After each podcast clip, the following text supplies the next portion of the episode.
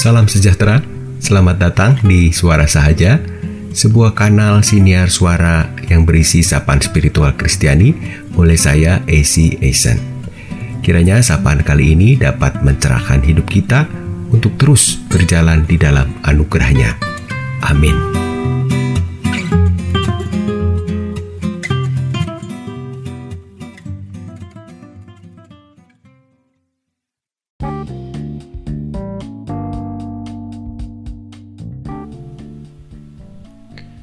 Tidak selalu kebaikan yang kita lakukan dalam hidup ini ditanggapi secara sehat oleh orang lain.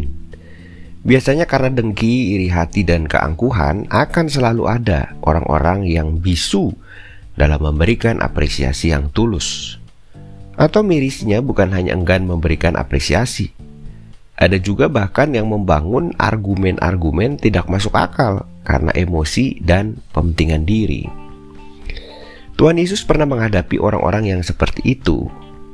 Setelah menyembuhkan orang yang bisu karena gangguan roh jahat, ketimbang ikut bersyukur atas kehidupan baru yang dialami si bisu yang sudah dapat berbicara itu, orang-orang yang menyaksikan peristiwa kasih itu malah menjadi tanda kutip bisu untuk mengakui kebaikan Allah yang sudah dinyatakan bagi orang yang terbelenggu karena kebisuan.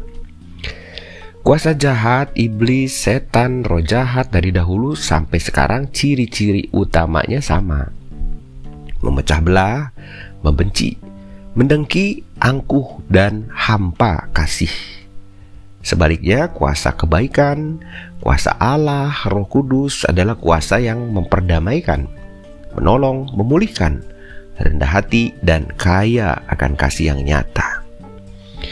Jika sekarang ini kebaikan yang kita lakukan diserang oleh kejahatan yang berupaya memadamkan cinta kasih kita, ingatlah bahwa kuasa itu tidak akan pernah bisa mengalahkan kuasa kasih Allah yang meraja dalam dunia ini. Jangan pernah gentar, sebab kita sedang ikut serta mengerjakan apa yang dikerjakan Kristus.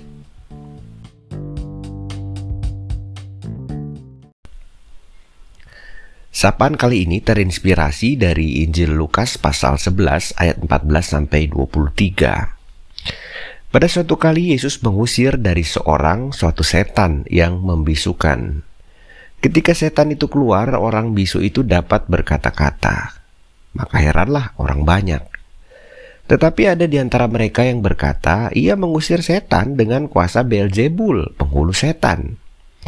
Ada pula yang meminta suatu tanda dari sorga kepadanya untuk mencobai dia.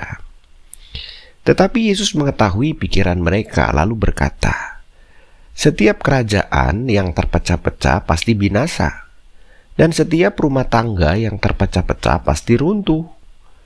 Jikalau iblis itu juga terbagi-bagi dan melawan dirinya sendiri, bagaimanakah kerajaannya dapat bertahan? Sebab kamu berkata bahwa aku mengusir setan dengan kuasa Beelzebul. Jadi jika aku mengusir setan dengan kuasa Beelzebul, dengan kuasa apakah pengikut-pengikutmu mengusirnya? Sebab itu merekalah yang akan menjadi hakimu. Tetapi jika aku mengusir setan dengan kuasa Allah, maka sesungguhnya kerajaan Allah sudah datang kepadamu. Apabila seorang yang kuat dan yang lengkap bersenjata menjaga rumahnya sendiri, maka amanlah segala miliknya. Tetapi jika seorang yang lebih kuat daripadanya menyerang dan mengalahkannya, maka orang itu akan merampas perlengkapan senjata yang diandalkannya dan akan membagi-bagikan rampasannya.